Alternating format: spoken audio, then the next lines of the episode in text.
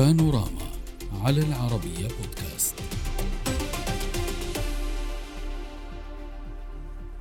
عودة تدريجية لإيران بشأن برنامجها النووي المثير للجدل. لقاءات مع الأوروبيين بعد مشاورات وتحضيرات مسبقة بهدف تسوية ملف طهران النووي بالتزامن مع سعي طهران وواشنطن إلى تهدئة التوتر عبر تفاهم مشترك لإنهاء الأزمة.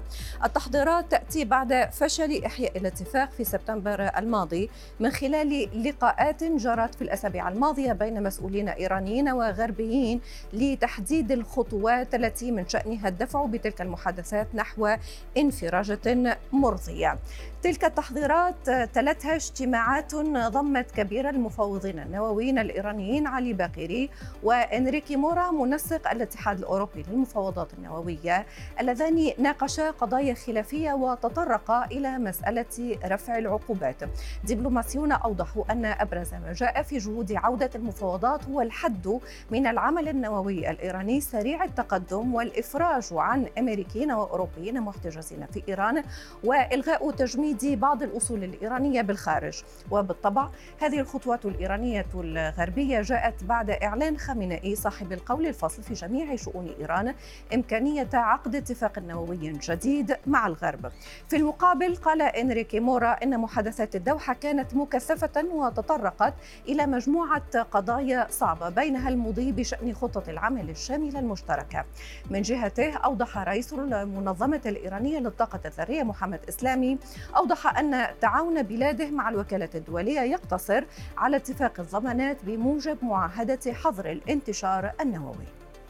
نناقش هذا الموضوع مع ضيوفنا من باريس رامي الخليفة العالية المحلل السياسي. أهلا بك. ومن طهران محمد صالح صادقيان المحلل السياسي. أهلا بكم ضيوفي الكرام. واسمحوا لي أن أبدأ من باريس معك دكتور رامي. دكتور رامي البعض وصف هذه المباحثات بالإيجابية ولكن آه، مصطلح الإيجابية في الواقع تبعناه ووصف به البعض محادثات سابقة إلا أنها لم تنتج شيء فعلي جديد فيما يخص آه، المباحثات النووية هل تعتقد بأن هذه الاجتماعات تختلف عن سابقتها؟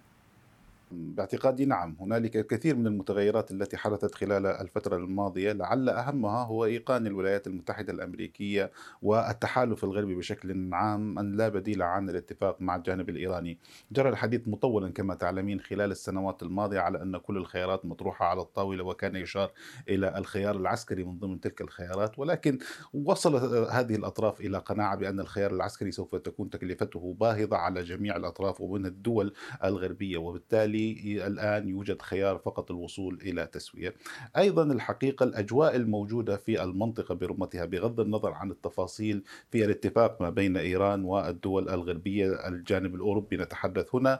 آه، الأجواء الموجودة في المنطقة مختلفة تماما. لطالما مثلت الصراعات الموجودة ضغطا على المحادثات الجارية في المجال النووي مما جعل في كثير من الأحيان هذه المحادثات تنحو باتجاه ملفات أخرى. الآن بعد التفاهم الذي جرى ما بين المملكة العربية السعودية من جهة وإيران أثر إيجابا على جملة الملفات في المنطقة من سوريا إلى اليمن إلى العراق إلى غيرها من الملفات وبالتالي أصبح هنالك عزل للملف إذا شئت عن الملفات الأخرى. نعم. النقطة الأخرى أن إيران الحقيقة في ظل ارتياحها في المنطقة حاليا ربما أصبحت أكثر مرونة فيما يتعلق بنسبة التخصيب فيما يتعلق بمراقبة الوكالة الدولية للطاقة الذرية فيما يتعلق أيضا بالإجابة عن أسئلة قد طرحت من الوكالة الدولية حول بعض المعلومات وعن وجود مراكز هي جزء من المشروع النووي وأيضا عن وجود بعض المناطق حيث أظهرت الدراسات وجود نسب تخصيب مرتفعة. وبالتالي كل ذلك الحقيقة يمثل تطور تطورا إيجابيا ربما يدفع نعم. بالفعل إلى وصول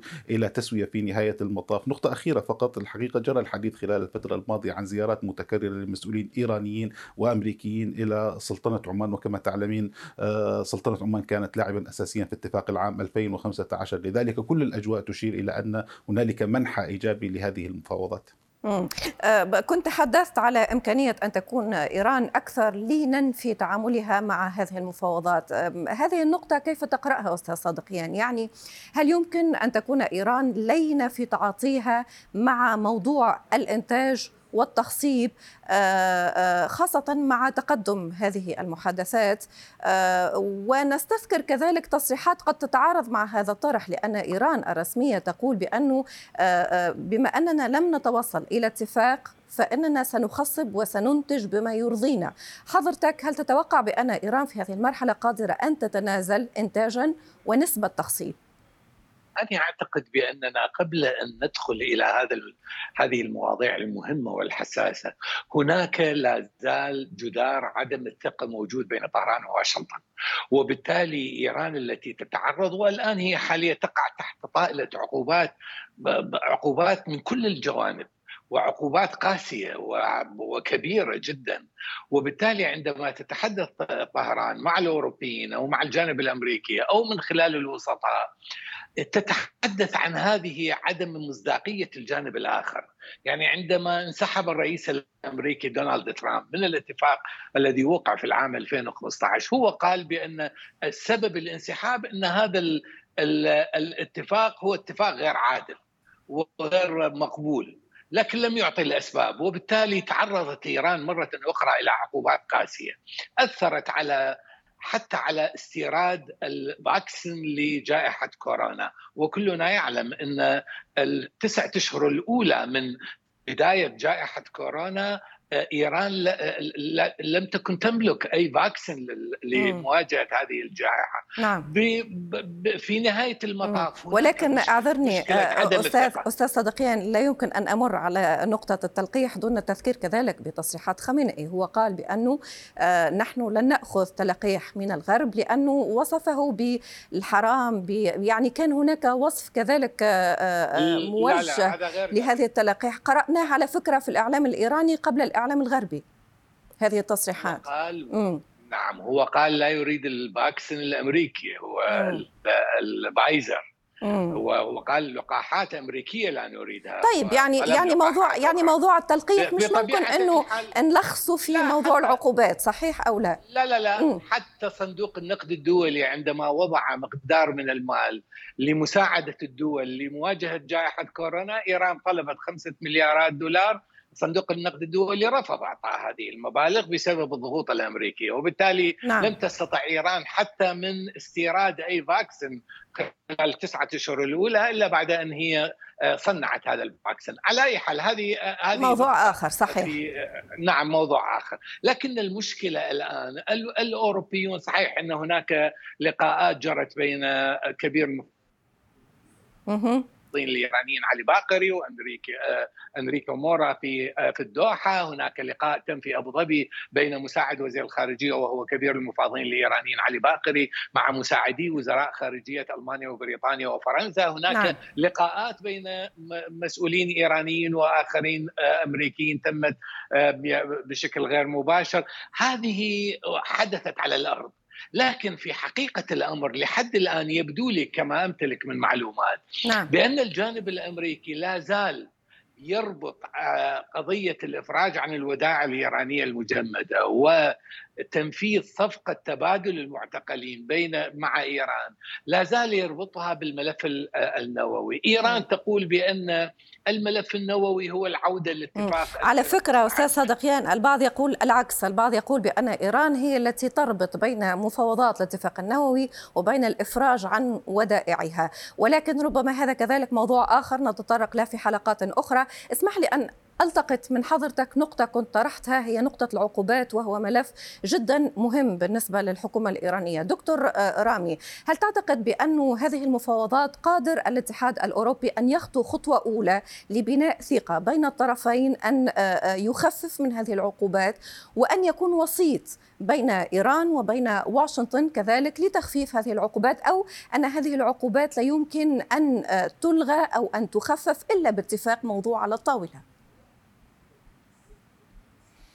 في الحقيقة ريم نعم. يمكن للاتحاد الأوروبي أن يلعب هذا الدور خصوصا أن الأشهر القادمة سوف تشهد انطلاق السنة الانتخابية في الولايات المتحدة الأمريكية وبالتالي القيام بخطوات يمكن أن تستغل من الجانب الجمهوري. آه هذه سوف تكون مشكلة بالنسبة للإدارة الديمقراطية خصوصا أن الأمر يأخذ خطابا انتخابيا دعائيا أكثر من كونه قراءة واقعية لجملة التطورات التي حدثت في المنطقة وبالتالي ربما يكون هنالك تبادل الأدوار بحيث تناط إلى الدول الأوروبية والى المفاوضين الأوروبيين ربما إعطاء بعض التسهيلات بالنسبة للجانب الإيراني. وقد تم الكشف على أن هنالك رفع التجميد عن بعض الأرصدة الإيرانية في بعض الدول الغربية. لكن طبعا هذا الكلام سابق لأوانه لأنه حتى الآن لم يتم الوصول إلى اتفاق. نعم الجانب الغربي يمكن أن يقوم لذا أن يقوم بهذا الدور ولكن ليس لإقناع الولايات المتحدة الأمريكية بل بضوء أخضر من الولايات المتحدة الأمريكية لأن أوروبا الحقيقة عندما قامت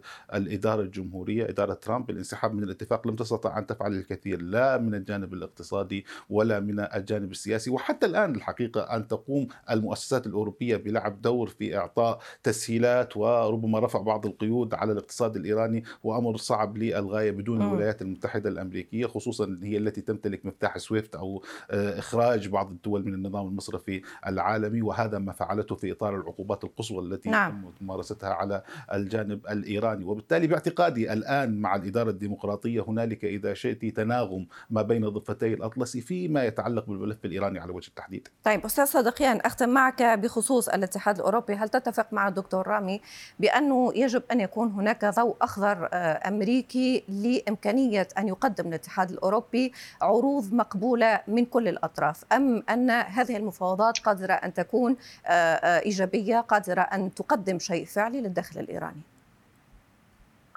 آه، الاتحاد الأوروبي هي مشكلة جديدة أو مشكلة يعني مشكلة المشاكل مع إيران.